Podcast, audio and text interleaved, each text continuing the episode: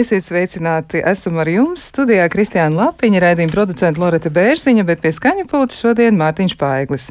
E, šodien runāsim par vakcināciju, par Covid-19 un arī par dažādām blaknēm, kas parādās un kuras mēs mēģināsim arī izskaidrot un saprast, kā tas viss īsti strādā.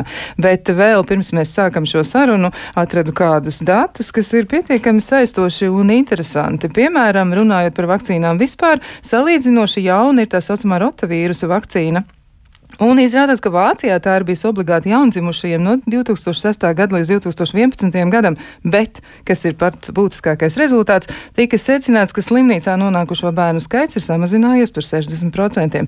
Tas nozīmē, ka vakcīnas nav tikai aizsargātājs, kas aizsargā mūsu veselību un uh, samazina komplikāciju draudz, bet vakcīnām vēl ir arī papildus efekti, ja tā var teikt. Bet par to, kā tas īsti ir, par to mēs šodien runāsim ar kardiologu profesoru Kārlu Trušīnski. Sveicināts! Brīd. Un vēl mēs sarunā esam ieaicinājuši arī ģimenes ārstu, lauku ģimenes ārstu asociācijas pārstāvi Aini Dzālbu. Sveicināt! Brīd.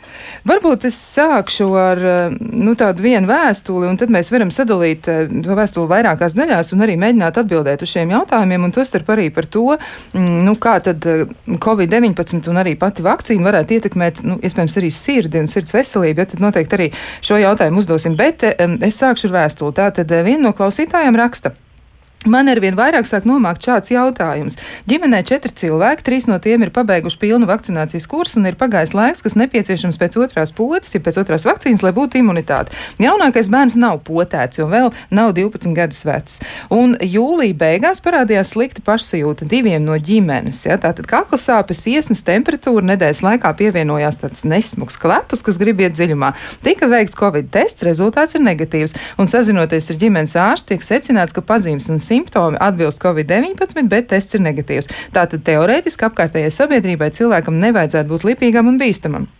Un ārsts, nu tātad klausītāji ir aprunājusies arī ar ārstu, un ārsts sarunā ir atklājis, ka viņa praksē arvien vairāk sāk parādīties gadījumi, kad vakcinēti cilvēki nāk ar izteiktiem covid simptomiem, bet tests vīrusu klātbūtni neuzrāda. Paiet nedēļa, simptomi parādās arī trešajam potētiem ģimenes loceklim, tās pašas iesnas, kakla sāpes, temperatūra virs 38 un negatīvs tests. Doktor Zalba, vai jūs varētu komentēt šo situāciju, jo iespējams, ka tas arī var nebūt covid-19?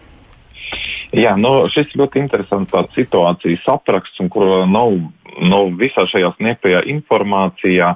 Ja, arī jāsaka, ja, kad atsaucās arī uz ģimenes ārstu, kur kāds skaidrojums un novērojums tika sniegts, taču tas, ko es gribēju teikt, nu šajā gadījumā absolūti nav nevienas norādes uz to, ka, tas, ka tā būtu Covid-19 infekcija, un nekur pasaulē, un tā skaitā arī Latvijā, nu, un arī jāsaka, arī manā ģimenes ārsta praksē, mēs šādu veidu novērojumus neesam novērojuši. Tātad uh, mums ir jāsaprot tas, ka tādu nu, uh, simptomu, kas būtu raksturīgi tikai un vienīgi covid infekcijai, pārliecinoši nav. Ir jāsaprot, ka tā ir augšējo elpoceļu saslimšana, kura laika periodā progresējot izraisa arī dziļo elpoceļu bojājumu, tātad radot uh, plaušu karsoni. Plaušu karsonis, ja pneimonija un tie simptomi ja, ir līdzīgi kā koronavīrusa gadījumā, tā iespējams gripas gadījumā, tā arī citu infekciju gadījumā. Un, uh, turpat teorētiski nepastāv tāda iespēja, ka pacients, kurš ir vakcinēts, viņam ir būs negatīvs covid tests, bet viņš slimos ar covid. Tātad covid infekcija ir tajā gadījumā, ja mēs spējam, protams, arī pierādīt šo vīrusa klātbūtni. Lai izraisītu šos simptomus, ir vajadzīga vīrusa klātbūtne, un tā vienmēr būs nosakāma. Protams, ir atsevišķas klīniskas situācijas, kad tas ir izdarāms grūtāk, bet uh, nu, šeit es gribētu uzreiz pateikt, ja visās par šo visu uh, šo situāciju un informāciju, kas te ir uh, nu, tiek aprakstīta, tātad absolūti nav nekāda pamata nu, ticēt šāda veida apgalvojumiem. Jā, varbūt vēl jūs arī varat precizēt, nu, kur ir atšķirība.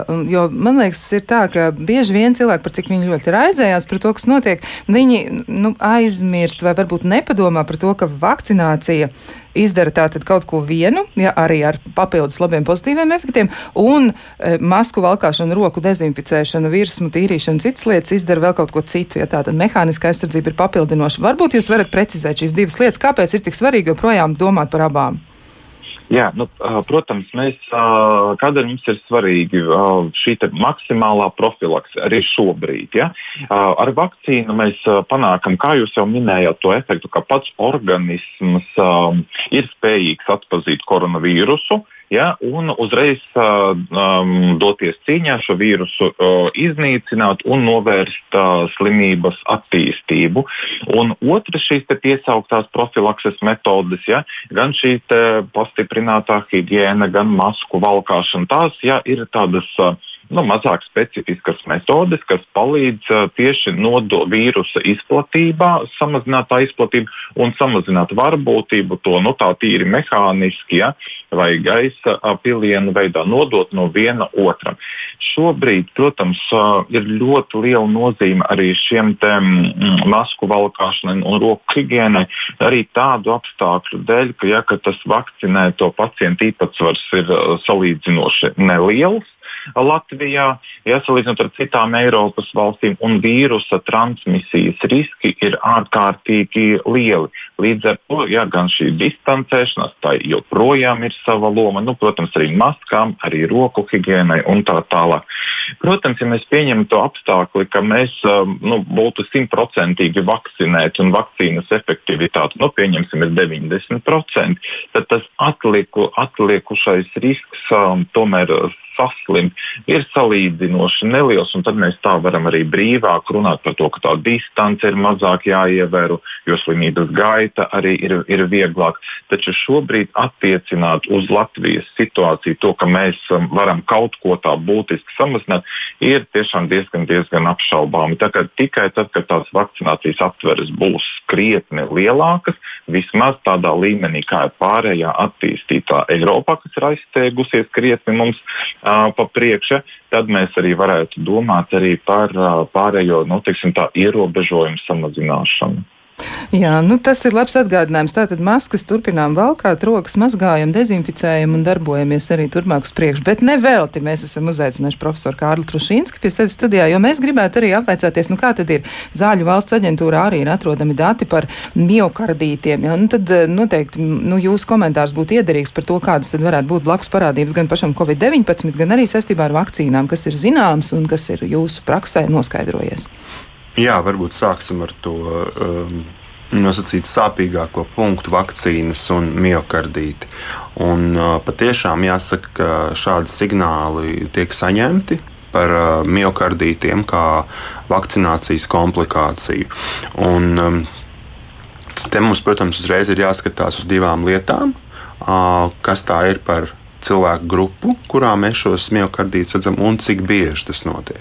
Un šeit uzreiz arī cilvēki būtu jānomierina, ka nu, pirmkārt tas ir ļoti, ļoti, ļoti reta komplikācija. Jā, nu, teiksim, tā varētu, ja, ja mēs tā skatītos tādiem vidējiem rādītājiem, tas varētu būt piemēram 0,004% risks iegūt miocardītu pēc vakcinācijas. Tāpēc reizēm cilvēki, kas ir noskaņoti varbūt ne tik pozitīvi par vakcināciju, saskaišas, ja kāds ārsts pasaka, ka vakcinācijai nav saistības ar, ar miocardītu vai ar trombozi. Nu, es varu uzreiz paskaidrot, mēs medicīnā īsti šādu risku nevērtējam, jo šis risks ir pielīdzināms tādam sadzīviskam riskam. Nu, no šejienes ir šis varbūt šis banalizētais teiciens, ka tad jau iziet uz ielas ir risks, bet, nu, diemžēl man jāsaka, ar Latvijas šo te varbūt situāciju uz ceļa un fatalitātēm, ceļu satiksmes negadījumos šis risks ir gandrīz lielāks. Bet tas, kas droši vien, bet, bet kas ir satraucošais, protams, un es absolūti gribu pasvītrot divas lietas. Pirmā tā, ka šie miocardīta gadījumi ir jaunu cilvēku, biežāk pat jaunu vīriešu vidū. Tā skaitā 13, 14, 18 gadīgu jauniešu vidū, tātad bērnu pusauģi. Un otra lieta, ka miocardīts jau kā tāda, kā, nu, kā diagnoze, protams, ka tā kardioloģijā ir sarkanais karoks. Tas nav tā, ka mēs tam nepievērstu uzmanību. Ja pie manis atnāktu uz konsultāciju pacients ar miocardītu, tad viennozīmīgi nu, tās būtu man diezgan liels rūpes par to, šī, jo, jo, jo miocardīts kā muskuļa iekaisums vai perikardīts kā sirds apvalka iekaisums, īpaši šis muskuļa iekaisums, var izraisīt tādas komplikācijas kā sirds mazspēju, aritmijas, ja, kas var tālāk ietekmēt būtiski prognozi. Tie gadījumi, Un man ir izdevies, neizdevies, bet esmu bijis iesaistīts Zāļu valsts aģentūras šajās darba grupās. Mums patreiz, ja nav, ir, ja nav vēl kāds gadījums pēdējās nedēļas laikā noticis, tad ir seši miocardīta gadījumi. Visi tie ir izanalizēti.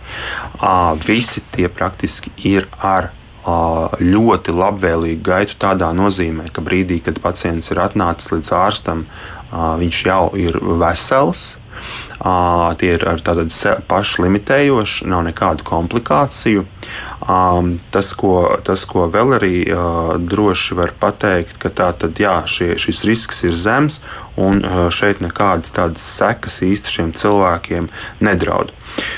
Tāpat laikā, ko es gribu piemetināt, un, un te visu laiku izklausās, laikam, ka tie ārsti tā, kā lai saka, cenšas kādu pārliecināt. Tā, bet es pirms nedēļas uh, konsultēju pacientu, kurš ir 80. gadā dzimis un pirms, kurš pirms gada ir pārslimojis Covid infekciju, un kurš patreiz cīnās ar ļoti smagu sirds mazspēju, ar samazinātu sirds izsviedi, kur būs jādod patreiz visa modernā arī tā skaitā dārgā sirdsmazspējas terapija, kur iespējams būs vajadzīgs sirds dažādas pat papildu ierīces. Varbūt pat, tas būs ceļš uz sirds transplantāciju. Tā kā tas, ko es gribu teikt, ka nu, ir vērts ieklausīties varbūt arī šajā, ko ārsts saka. Un, protams, arī pirms nākt uz rādio, es arī tomēr cenšos mazliet sevi kā tagad saka, apdeitot ar informāciju vai apskatīt, kas tad ir tas jaunākais. Un es gribu teikt, ka viena lieta, ka ar miocardītu arī ir pagrūti, jo uzreiz varbūt mēs varam pateikt tās tipiskās sūdzības, kas miocardītam ir, kas patiesībā varbūt nevienmēr pat izklausās tipiski. Tas ir sāpes krūtīs, elpas trūkums, pātrināta sirdsdarbība, aritmija. Protams, ja jums kaut kas tāds parādās pēc vakcinācijas, īpaši pirmajā, otrajā nedēļā, īpaši pirmajā nedēļā, īpaši pēc otrās vakcīnas devas, noteikti steidz, tūlīt dodaties pie ārsta.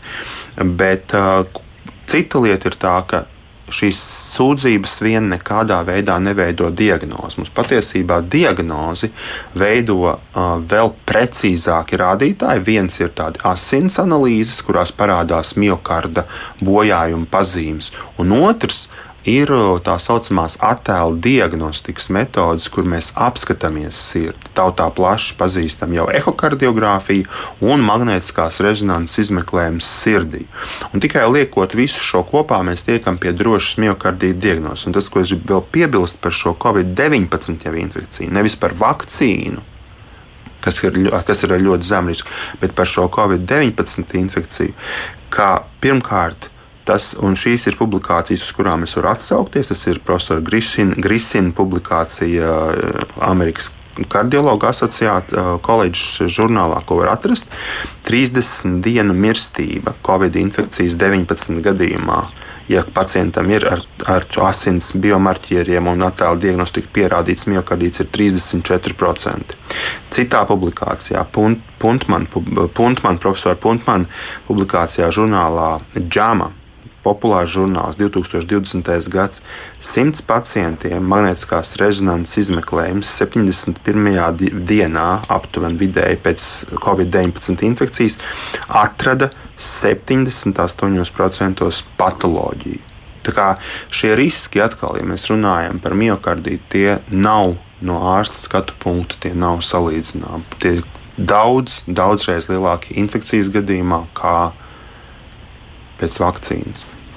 Jā, nu, tas ir eh, diezgan būtiski tomēr paļauties uz informāciju, kas ir zinātniski pārbaudīta un tiešām ir reāli ticama. Un tas arī ir klausītāju ieteikums un vienlaiks arī tāds secinājums, jo viens no klausītājiem arī jautā, kur tad var lasīt ticamu informāciju, ja, jo, nu, ir tā, ka, m, mm, piemēram, Latvijas rādio, laikam mēs esam pieminēti, ja skaidro, ka incidents ir sasniegusi 40, jā, bet savukārt ir kādi citi mēdī, kas apgalvo, ka tā jau ir 50, jā, un tad cik ir liels tas osmas vīrus pārneses koeficients, jā, jo ir skaidrs, ka tas ir, mm, nu, nu, kaut kā tas mainās, jā, un eh, tas noteikti varētu būt, eh, nu, pietiekami nozīmīgs skaitlis, un tad jautājums ir tiešām tāds, nu, kādā veidā tad mēs varam atlasīt to informāciju, cik tad viņi ir uzticami un kur mums būtu vērts skatīties.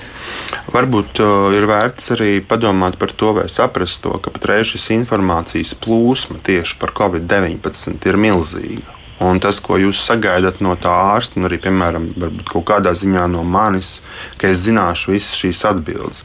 Es cenšos, un man jau tiešām arī šo kardioloģijas jomu Covid-19 sakarā, lai es aptvertu, man tur ir jāpieliek krietnes darbs. Un, un tāpēc arī es teiksim, jautājums, kas uzreiz būtu ļoti, ļoti specifiski par vakcīnām vai specifiski par, par, par jaunajiem šiem variantiem, es noteikti atstātu um, infekci, infekcijas ārstu, infektuologu ziņā. Bet, um, ja mēs runājam par avotiem, nu, populārs avots, ko tagad daudz piemin, ir šis CDC, jeb uh, Amerikas um, slimību kontroles un prevencijas centra dati. Lai gan mums ilgu laiku tomēr ir teikts, ka mums vairāk jāskatās uz Eiropas datiem, nu, jāsaka, jāsaka kā ir, ka reizēm Amerikas šie, Amerikas šie zinātnieki un ārsti spēja nopra, noformulēt varbūt lietas trāpīgāk un precīzāk, un varbūt pat mazliet nu, netik, netik, kā lai saka, netik, netik um, um, nu, restīvi, precīzāk. Ja? Viņi jā, tā kā pas, maigi, netika maigi, netika, maigi, netika maigi un netika aprakstoši. Ja? Un jā. tāpēc šis, šo cdc.gov, ja jūs uz, uz, ieliksiet šajā meklētājā, jūs tur atradīsiet datus, ko vairums no jums varēs izlasīt un saprast, saprast nu, viennozīmīgi. Un arī tā informācija tur ir un tā informācija tiek papildināta. Tā skaitā, piemēram, par šo pašu jautājumu, ko mēs nu pat runājam, miocardīts invalīds, piemēram, un pusauģi. Jo, jo tur joprojām tiek ieteikta vakcinācija. Jā, tie ir svarīgi dati. Tas tiešām ir ļoti, ļoti būtiski. Nu, vēl viens jautājums, ko es pārdresēšu doktoram Zalbam, un e, šis jautājums būs tāds. Mm, tā tad, nu, kāpēc Covid vakcīnām ir blaknes salīdzinot ar citām vakcīnām, kurām blakņu nav. Nu, laikam tā gluži nebūs tiesa, ja vakcīnām arī citām mēdz būt blaknes, bet doktor Zāba pastāstiet mazliet vairāk par šo. Jā, nu, uh, pilnībā jā, jums pievienošos. Ja, tad, uh, šie gan Covid-19 vakcīnas, gan vakcīnas pret citām infekcijas slimībām, tie ir medikamenti. Uh, un, uh, Un atšķirībā no citiem medikamentiem, es gribētu teikt, ka tie ir vieni no drošākajiem medikamentiem. Uh, jo nu, pavisam tāds uh, nu, piemērs nu, nav dzirdēts, ka kāds būtu jā, uh, izmantojis vakcīnas teiksim, pašnāvības nolūkos vai būtu zādzības veiktas tieši vakcīnu tās izmantotas kaut kādiem tādiem mērķiem, kam tās nav paredzēts. Tad tur jau ir skaidrs, ka ar šo preparātu tādu nopietnu kaitējumu veselībai izdarīt ir praktiski praktiski nereāli. Bet, protams, pa, kāpēc par tām ir tāda pastiprināta interese? Interese ir tādēļ, ka tā klasiski šīs uh, vakcīnas mēs izmantojam uh, jaundzimušajiem, mēs izmantojam bērniem pirmsskolas uh, vecumā, un ir vakcīnas arī, ko mēs izmantojam arī grūtniecēm. Un tādēļ mums, protams, gan savā ikdienas darbā, gan arī runājot ar pacientiem, sniedzot kādu informāciju, ir jābūt nu, tādai nu, izcilai pārliecībai par to, ka šīs vakcīnas ir drošas. Uh, tas, ko, par ko cilvēks satraucās, protams, ir viena ir šīs tūlītējās reakcijas, kas sākas dažu stundu laikā dažu varbūt dienu laikā pēc vakcīnas. Un tās ir šīs tipiskie sagaidāmie notikumi pēc vakcinācijas, ko mēs jau visi zinām, ja Covid-19 vakcinācijas kontekstā, kas ir cāpoša uh, injekcijas vieta, muskuļu sāpes, galvas sāpes, nogurums un tā tālāk. Un ir uh, jau zināms, ka šie notikumi neietekmē nelabvēlīgi organismu. Tie ir paši pa sevi pārējoši, un vajadzības gadījumā var izmantot kādu vienkāršu medikamentu, lai šos sūdzības samazinātu. Protams, uh, vienmēr ir interese par to, vai vakcīna vakcīnām ir kāda nu, ilgtermiņa ietekme, vai tās ietekmē imūnsistēmu, vai tās ietekmē reproduktīvo veselību, vai, vai ir varbūt kādi citi momenti, uh, par, ko, par ko mums būtu jāsatraucās. Nu, jāsaka, ka vakcīnas jau ir izmantotas jau um, pāris simt gadu, un informācija ir uzkrāta pietiekami liela. Un, uh, ir jāsaka tas, ka tās ir visā pasaulē atzītas par vienu no drošākajām profilakses veidiem. Nav, nav tādu pierādījumu, ka tās izraisītu kādas citas saslimšanas vai nodarītu kaitējumu veselībai. Un, uh, arī runājot par bērniem, arī vairāk šodien tieši par miocardītiem, uh, tieši tās arī paskatījos šīs amerikāņu vadlīnijas no šī, tie, mm, no šī CDC, Center for Disease Control, un viņi arī uzsver to, ka uh, šis ieguvums arī vakcinējot jauniešus ir krietni uh, pārāks pret potenciālajiem miocardīta riskiem. Un nav, uh, tā kā mēs varbūt jau dzirdējuši, būt uh, Latvijas sabiedriskajos ja, mēdījos vai publiskā telpā, ka ir bažas par šo un ka tur tiek, ap, tiek apšaubīta lietderība.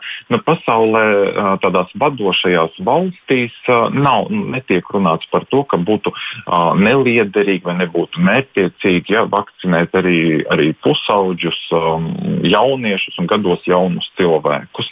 Uh, tie, tie ieguvumi gan pašiem uh, šiem jauniešiem, gan arī sabiedrībai kopumā, protams, ir krietni, krietni pārāki. Jā, tas ir tas salīdzinājums, ko mēs iegūstam, ko mēs zaudējam, kā saka, plusi un mīnus arī tādā ļoti vienkāršotā veidā analizējot. Nu, izskatās, ka to plusu ir nesalīdzinām vairāk.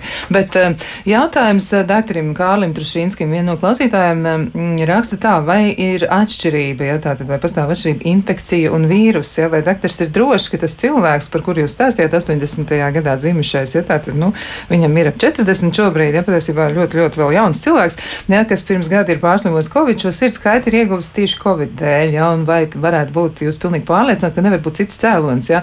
Nu, tātad tas ir viens jautājums, varbūt jūs mēģiniet aprakstīt to saikni, kāpēc jums ir tā pārliecība, mm. ka tiešām tas tā ir, ja, un otrs arī jautājums, otra jautājuma daļa, kā tieši tad Covid to ir ietekmējis, kas ir tas, mm. nu, pamatā. Jā, nu, ziniet, ja par mani runā, tad es medicīnā cenšos nekad nebūt par visu pilnīgi pārliecināts. Tas nav mans, varbūt, Jo jūs pārliecināts parasti par visu esat tad, kad jūs beidzat studijas un kad jūs startējat. Jā. Tā, tas ir tas brīdis, kad jums pilnīgi viss ir šajā pasaulē skaidrs. Tad viss nezinām. Jā. jā, jo tālāk jūs ilgāk dzīvojat, jo mazāk jums kaut kas kļūst skaidrs vai vairāk jūs šaubaties. Uh, šī cilvēka gadījumā uh, viņas ir tieši tāpēc, ka šis pacients ir jauns. Protams, ka tas, ar ko mēs nodarbojamies, un arī ar ko mēs patreiz nodarbojamies, mēs meklējam citus uh, sirds mazspējas iemeslus šim cilvēkam.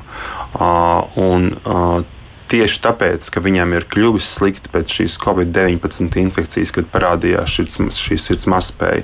Ja mēs tagad lēnām vienu pēc otra izslēdzam šos citus iemeslus, kādus iedzimtu kardiomiopātija, ateroskleroze un išēmiska sirds slimība, ja tos es lēnām vienu pēc otra izslēdzu, tad tas ir tas veids, kā es nonāku pie šī secinājuma ka, ka vainīga ir, ir šī Covid infekcija viņas sirds mazspējas gadījumā. Bet, protams, ja nu mēs runājam par, par, par ļoti precīzu diagnozu uzstādīšanu, tad tā būtu principā sirds miocarda biopsija, kas nozīmē paņemt uh, mazu muskuļu gabaliņu, izkniept cilvēkam no sirds. To, to mēs reizēm arī darām, bet uh, tā ir pietiekami invazīva metode, lai patreiz, šis patreiz nemainīs šī pacienta ārstēšanas uh, veidu, un es atturētos darīt cilvēkam kaut ko tādu invazīvu, kas, ne, kas nekādā veidā neietekmēs viņa ārstēšanas veidu. Ja mēs domājam par to, kā uh, Covid-19 ietekmēs sirdi, tad uh, nu, pirmkārt jau uh, bez šīs populārās ietekmes caur ACE receptorus plaušām, ko mēs visi zinām, kas ir tas varbūt tas galvenais mērķis. Patiešām šis vīrus var pirmkārt jau diezgan tieši iedarboties uz sirds muskuļu šūnām, izjaucot to struktūru un provocējot sirds mazspēju. Šis pats vīrus var iedarboties arī uz asinsvada iekšējā slāņa šūnām. Mēs to saucam par endotēliju. Ja jūs izklātu vi, mm, cilvēka arteriālās sistēmas iekšējās slāņu šūnas, jūs iegūtu futbola laukumu. To uzskata par ļoti lielu orgānu. Un šis vīrus var iedarboties tieši arī uz šo, šīm šūnām, ko endotēlijas šūnas dara asinsvadu iekšpusē. Tās pasargā asinsvadu sienu no tā, ka tur iekļūst nevajadzīgas vielas, tās nodrošina šo trombu veidošanos, trombu šķīdināšanās līdzsvaru. Tās nodrošina lielā mērā ar muskuļu, ar muskuļu slāni arī šo artēriju paplašināšanos, sašaurināšanos. Respektīvi, šie ir tie galvenie veidi, kā vīruss var uh, ietekmēt, uh, ietekmēt um, sirds muskuli un arī sirds uh, artērijas un arī citas artērijas. Jā, skaidrs. Nu, ko saruna mums ir jāturpina. Mums ir diezgan daudz jautājumu, bet par to, kā tieši Covid-19 un arī vakcīnas var ietekmēt mūsu organismu, par to mēs turpināsim sarunu pēc īsta brīža. Laiks jūsu jautājumiem! 6722, 888, mūsu e-pasts, klausītājs atlatvijas radio.lv. Turpinām sarunu par covid-19, arī par vakcināciju un par dažādu veidu blaknēm, ar kurām saskars cilvēki un par kurām viņi ziņo, un arī, protams, par citām lietām, kuras šobrīd ir aktuāls un kuras ir izraisījušas klausītāju interesi, kas ir ļoti saprotama lieta, jo ir gan bāžas, gan arī dažiem ir pārliecība, ja, nu, un tas savstarpēji saskaras un jāmēģina tad tikt skaidrībā, ko, ko tad un kā darīt. Bet um, mums ir arī kāds klausītājs zvans. Sveicināti, klausos, lūdzu! Um, labrīt! Es gribēju jautāt, vai ir pareizi, ka daži doktori pirms potēšanās ar Johnsonu un arī AstraZeneca, varbūt arī citam, iesaka dzert paracetamolu pāris dienas pirms un pāris dienas pēc. Paldies par jautājumu. Nu, šo jautājumu mēs pārdrezēsim Ainim Zābam, varbūt uzreiz arī kā ģimenes ārstam, jo viņam praksē noteikti ir nu, šādi gadījumi pietiekami daudz, gan jau arī jums jautāja jūs pacienti, ko tad un kā. Jā, jautā gan. Nu, parasti mēs iesakām līdzīgi, kā arī iesaka varbūt citās valstīs, un arī citu valstu rekomendācijas arī ir šajā jautājumā. Un tiek rekomendēts medikamentu lietot tikai tad, ja tās sūdzības ir. Profilaktiska me medikamenta lietošana nav pierādījusi tādu efektivitāti, ja, un, un ka būtu teiksim, mazāk šīs temperatūras reakcijas vai kā tam līdzīgi. Tātad lietojam paracetamolu tikai tad, kad tas ir nepieciešams. Skaidrs, tad lieki nevajag. Jā, jā un es gribētu piebilst, ka nu, ja mēs par kardiovaskulāriem pacientiem runājam, protams, būtu, būtu prātīgi pirms tam, un tas nav patreiz grūti izdarāms, panākt asinsspiedienu pulsa kontroli un iet uz šo vakcināciju jau labāk sagatavotim, pat tiešām turēt šo paracetamolu rezervē, nelaist šo temperatūru virs 38, 38, 5 un neaizmirst arī padzerties, ja gadījumā jums nu, ir šī temperatūra. Jā, tādas vienkāršas un, un, un prātā paturams lietas. Nu, vēl jautājums arī, un arī to, laikam mēs varam pāradresēt Ainim Dzābam labam, uh, viena no klausītājiem saka tā, ka viņai ir tāda arī ļoti neparasta simptoma. Nu, kas laikam eh, par tiem ir mazāk ziņots, bet redz, kur arī ir šāda situācija. Un viņi raksta tā, ka jau kopš pirmās Pfizer devas maija vidū problēmas ir ar acu plakstiņiem. Tie piepams kļūst cerkanīgi un acis ļoti sāp. Un, eh, nu, vairākas eh, lietas viņi ir lietojusi medikamentus, jā, trīs mēnešu laikā, bet palīdz tikai uz brīdi, jā, nu, piemēram, Topradeks, jā, viņi te piemin, un, un palīdz tikai uz brīdi, un pēc laika problēma atgriežas. Un ģimenes ārsti saka, ka jāgaida pāries, un viņas jautājums ir, pie kāda speciālista vēl varētu vērsties, lai atrisinātu šo problēmu. Varbūt doktor Zābļus varētu komentēt komentē? Jā, nu, šāda veida sūdzības un vēl ilgtermiņā nu, nav raksturīgas vakcīnām vispār, es gribētu teikt. Ja? Bet tātad, tur drīzāk ir norādes, ja šis process ir ilgstošs un pēc šaus ir dažām pieminētām sūdzībām, tur varētu domāt, ja, ka tas ir acu plakstiņa iekaisums. Nu, tad, ja, ja netiekam galā pie ģimenes ārsta, tad nākamais speciālists, pie kā vēršamies, ir acu ārsts būs kādi papildus izmeklējumi. Nu, un, ja vēl nav o, līdzēt, tad, protams, ir jādomā arī par alergologu un jāmeklē varbūt arī citi iemesli, jo vasaras laikā un tādas ilgstošas sūdzības tur drīzāk būtu raksturīgas vai nu iekaisuma vai alerģiskam procesam. Tā kā noteikti jāturpina darbs, līdz tiks uh, precizēta diagnoze. Es domāju, ka risinājums arī neizpaliks. Neizklausās tā, ka tā būtu neatrisināma situācija, un vēl jo mazāk neizklausās absolūti, ka tas būtu saistīts ar vakcināciju. Skaidrs, labi. Ir kāds klausītājs zvans. Sveicināti, mēs klausāmies, lūdzu. Uh, labri, labrīt! Labrīt! Cienījamie kungi, viens jautājums tikai. Ja man bija jaunībā uh, ap, tas šoks, tāds veselības stāvoklis, divreiz pēc am amidapīna un vēl kaut, pēc kaut kādas zāles. Vai, man ļoti gribās vakcinēties, bet man šeit pat vietējā ārste saka, nē, ja jums tā ir bijis, mēs nevaram braukt uz Rīgu. Kā man lūdzu rīkoties? Paldies! Ļoti, ļoti tāds būtisks jautājums. Jā, nu kā tad rīkoties šādā situācijā? Es saprotu, ka tad runa ir par anafilaktisko reakciju, jā, jeb šoku. Tā tad laikam vismaz vienu reizi un divas reizes vispār, bet nu tad laikam tas ir bijis ļoti nopietni. Nu kā tad? Nu, kārtība tātad ir sekojoša. Tātad, ja uh, ģimenes ārsts sarunā ar savu pacientu konstatē, ka tur pastāv kādi alerģiju riski vai ir piedzīvotas alerģijas iepriekš, un ir pamatots tādas aizdomas, ja, ka vakcīna varētu arī veikt veicināt vai izraisīt šo alerģisko reakciju, tādā gadījumā mēs pacientus nosūtām saņemt vakcīnu, jā, kā arī minēju, uz Rīgu šīm lielajiem, lielajām klīnikām, kas būs vai nu stradiņi, vai nu gailezers, vai arī atsevišķos gadījumos, arī vairāk, ja runa par bērniem, tad uz vienības gatavs Bērnu Klinisko universitātes slimnīcu. Un kārtība ir sekojoša. Ģimenes ārsts uzraksta nosūtījumu, tādu kā raksta nosūtījumu pie speciālistiem vai uz izmeklējumiem, norāda tur savas bažas un iesaka tātad veikt vakcināciju kādā no, no stacionāriem.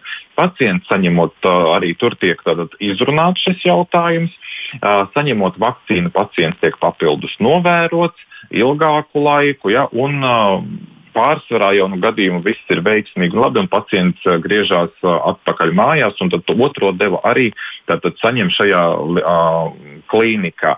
Nu, taču vairāk varbūt uzklausot šo gadījumu un pārunājot, ja, ka diez vai tur būs šie te, nu, uh, iepriekšējā pieredze ar šiem medikamentiem kā amidopirīns, kā papildus riska faktors uh, uh, šai alerģiskajai reakcijai no vakcīnas. Taču vēlreiz atkārtošu, ja ir varbūt bail gan pašam pacientam, gan ģimenes ārsts jūtās tā, ka tur tiešām ir palielināti riski, tad jā, tad kārtība ir tā, kā mēs tikko izrunājam, šīs lielās klīnikas.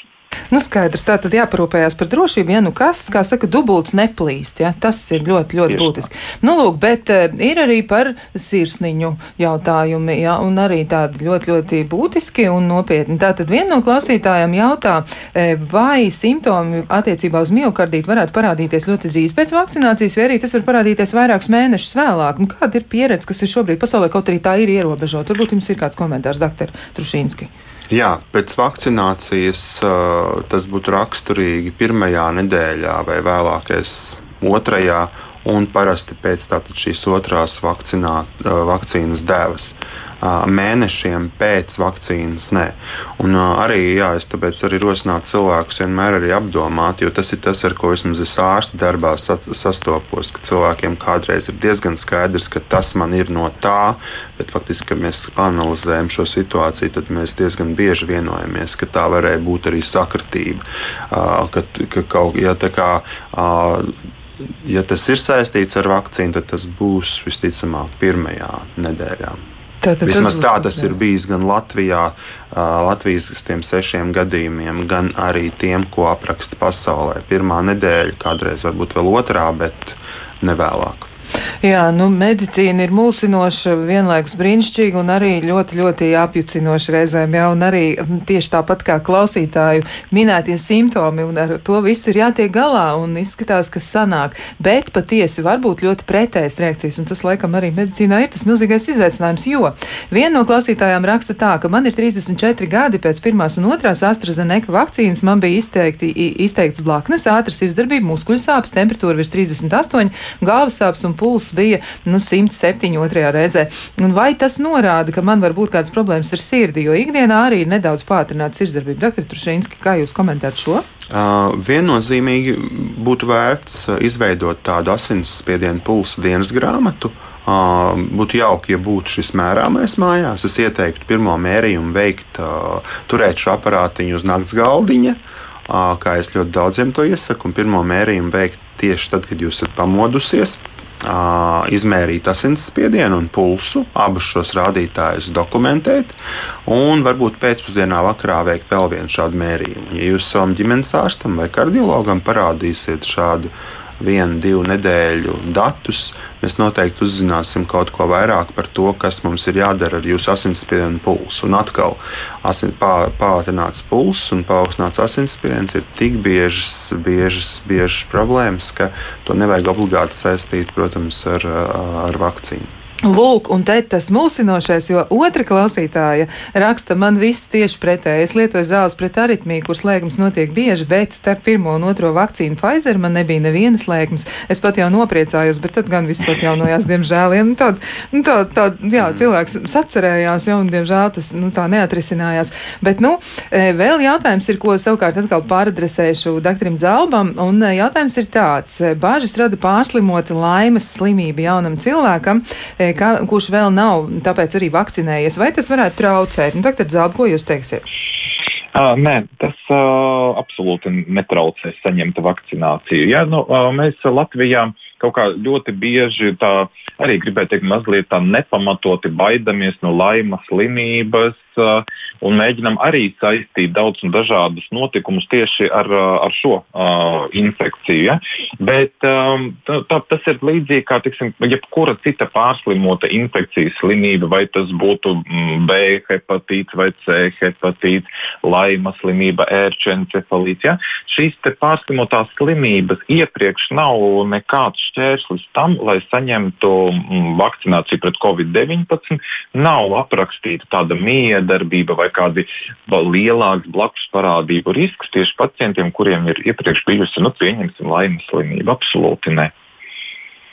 Tā tad skaidrs arī tas. Nu, vēl jautājums ir, cik ilgi var būt pietūkums limfmezglu vietās, ja, jo viena no klausītājām saprot, ka nu, viņi ir veikusi tādu izpēti, ja, un, un viņai ir skaidrs, ka pēc otras eh, Pfizer potes turās jau divus mēnešus, ja, un paši limfmezgli kā tādi, nu, tā kā pietūkuši nav, ja, bet vai tas var būt, ja, jo viņa, nu, pat ir veikusi arī, nu, izmeklējumu, ja, tātad sonoskopiski, sonogrāfiski izmeklējumu limfmezgliem, laikam tā precīzāk, un lielākie, ko atrada, bija vienu centimetru lieli, un tad viņi jautā, pie kā vērsties, kam jautāt pēc palīdzības, lai arī šis pietūkums tiktu mazināts. Ja? Un viens tas pietūkušais limpmezgls, cik var nojaust, ir, ir, ir padusē un pie kakla un arī zem zoda. Ja? Tā tad tomēr ir vairāk limpmezglu pietūkuši. Doktor Zāba, ko jūs ieteiksiet? Nu, uh, jā, uh, tātad vispār palielinātu limpmezgli pēc vakcinācijas parasti, teiksim, tie varētu būt paduses limpmezgli, no tai, tai pusē, ja tā tieši tai plecā, kur uh, bija veikta vakcinācija, tā skaitās tāda uh, zināma zināma,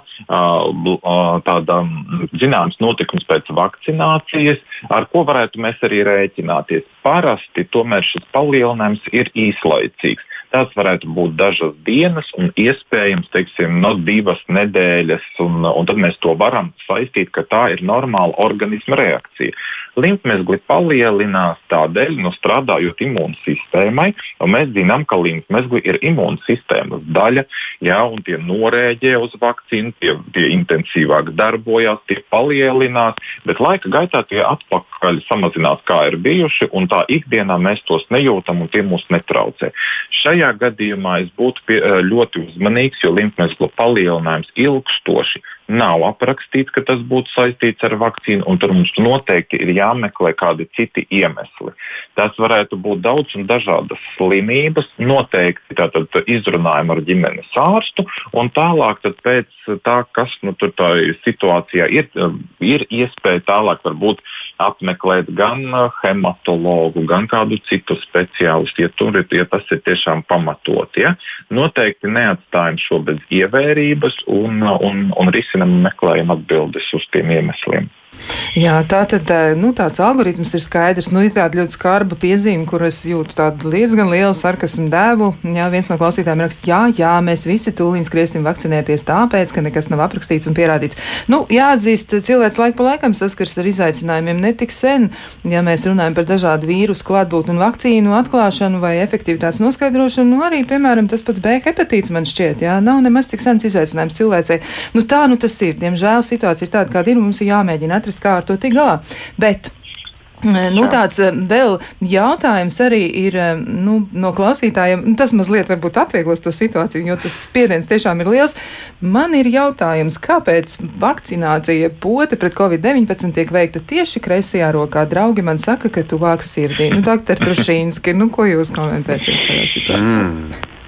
Tas ir interesants jautājums. Es, man, man man, manuprāt, tam nebūtu tik liela starpība, kurā rokā tiek veikta vakcinācija. Patiesībā pat nebūtu starpība, vai tas notiek rokā. Tas būtu svarīgi, lai tas notiek muskulī.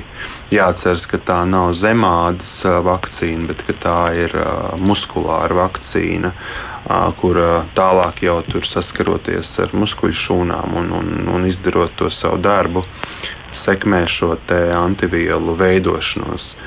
Un, un, ja mēs runājam par muskuļu vakcīnām, tad es, protams, um, izmantošu tos, to iespēju būt rādījā un arī varbūt nomierināt cilvēkus, kas dzer pacientus, kas lieto asins šķīdinošas zāles. Jo tad uzreiz nākamais jautājums ir, kā tas ir, ja es dzeru asins šķīdinošas zāles un man kāds kaut ko spricēs muskulī, jo mēs zinām, ka patiesībā daudzos gadījumos tas nav labākais veids, jo, tā, jo ir šis asiņošana un asins izplūduma risks.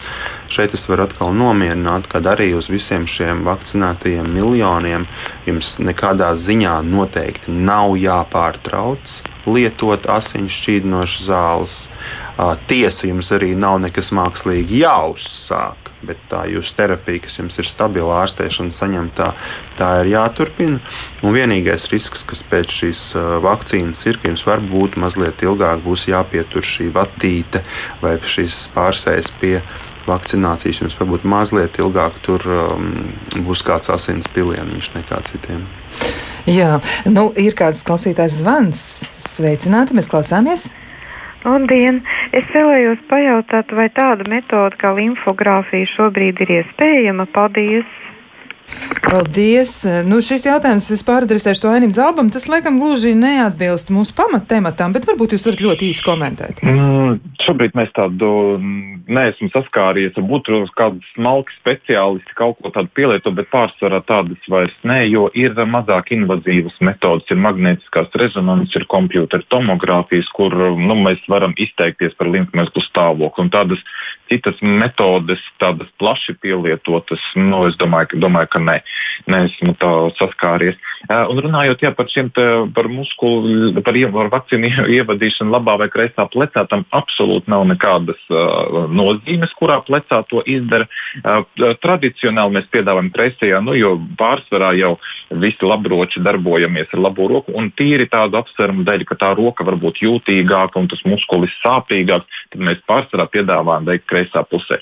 Ir pacienti arī mūsu praksē, kas vēlas, lai tā vakcīna ievadītu tiktu labā pusē, tad tā arī darām. Tad atšķirība nav, nav nekāda. Ja kurā pusē mēs iešpricējam, tam nav saistības ar to, kurā pusē atrodas sirds. Tā gan, jā, un arī ir arī klausītāji piezīmē, ja no savas puses, ka, nu, ir arī labā roka, jā, un jo ir arī uh mhm. -huh. cilvēki, kur tiešām raksta ar kreiso roku, vadošā roka ir kreisā, jā, un, un um, nu, tā tad tas ir, tas ir skaidrs, jā, bet um, jautājums ir, no viens klausītājs vēlos jautāt, mana meita 14 gadus veca vēlētos vakcinēties, taču viņai kroniski ir pazemināts dzelzs līmenis asinīs, un ik pa brītiņam viņa, nu, lieto dzelzs preparāts, un šobrīd palēnām tas paaugstinās, ja tāds, bet feritīna līmenis vēl joprojām joprojām ir nedaudz zem apakšējās normas, un ģimenes ārsts uzskata, ka vēl nevajadzētu vakcinēties, jāsniedz augstāki rādītāji. Nu, jautājums ir speciālistam, kāds ir jūsu viedoklis? Varbūt, doktor Zāba, arī šoreiz es jums šo jautājumu pāradresēšu, jo iespējams, ka tas interesē ne tikai šo ne jauno dāmu un viņas mammu, jā, bet varētu būt arī, ka vēl kādai eh, sievietei mhm. un varbūt arī vispār kādam cilvēkam ir līdzīga situācija. Jā, nu vispār tā, ka dā, dā, dāmām šie zemāki hemoglobīni ir biežāk sastopami. Uh, šīs dzelzs deficīta mazasinības nu, ir viena diezgan standarta situācija ģimenes ārsta praksē.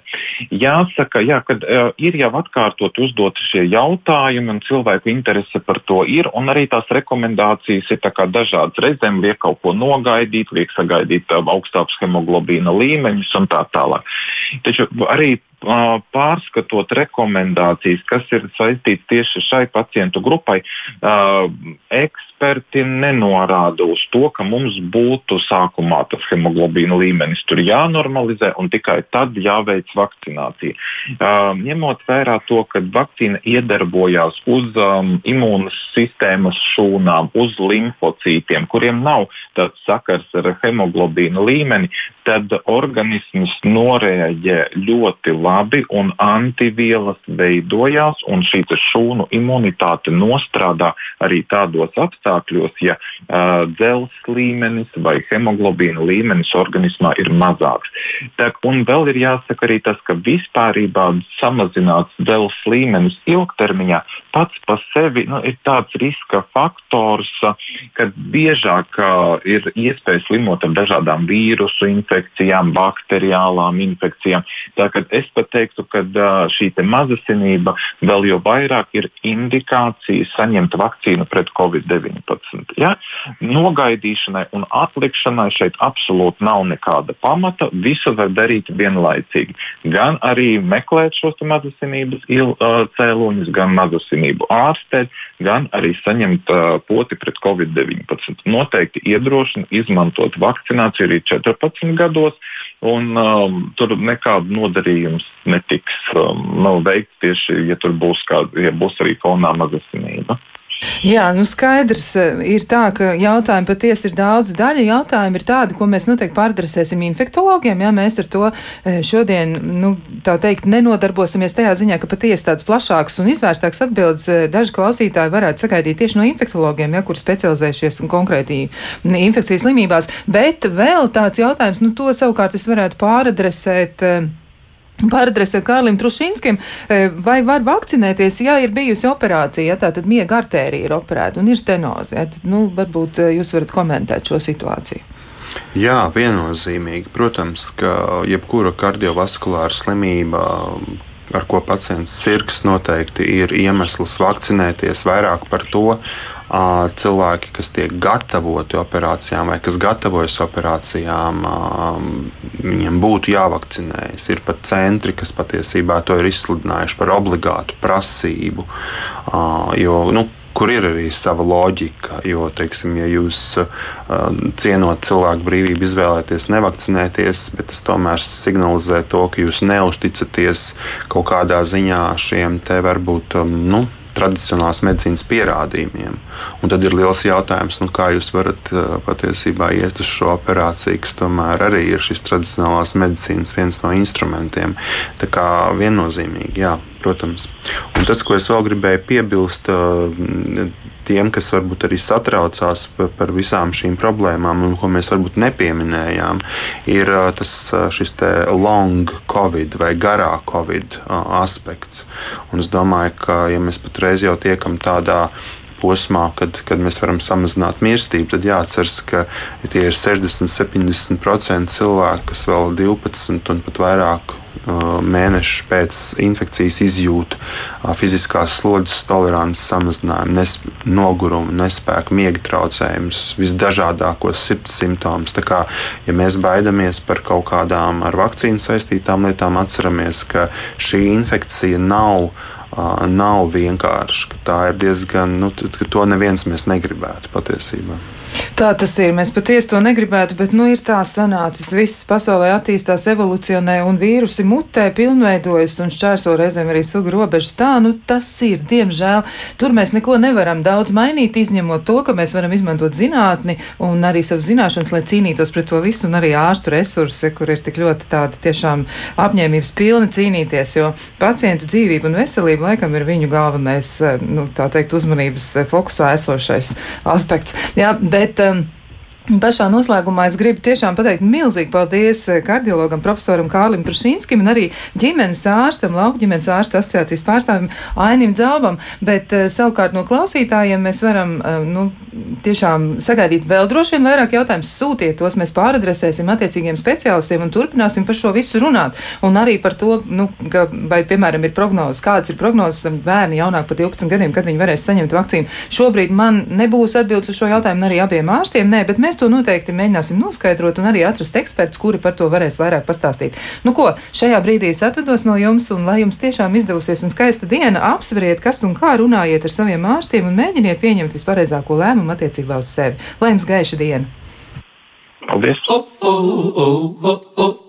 Kā labāk dzīvot?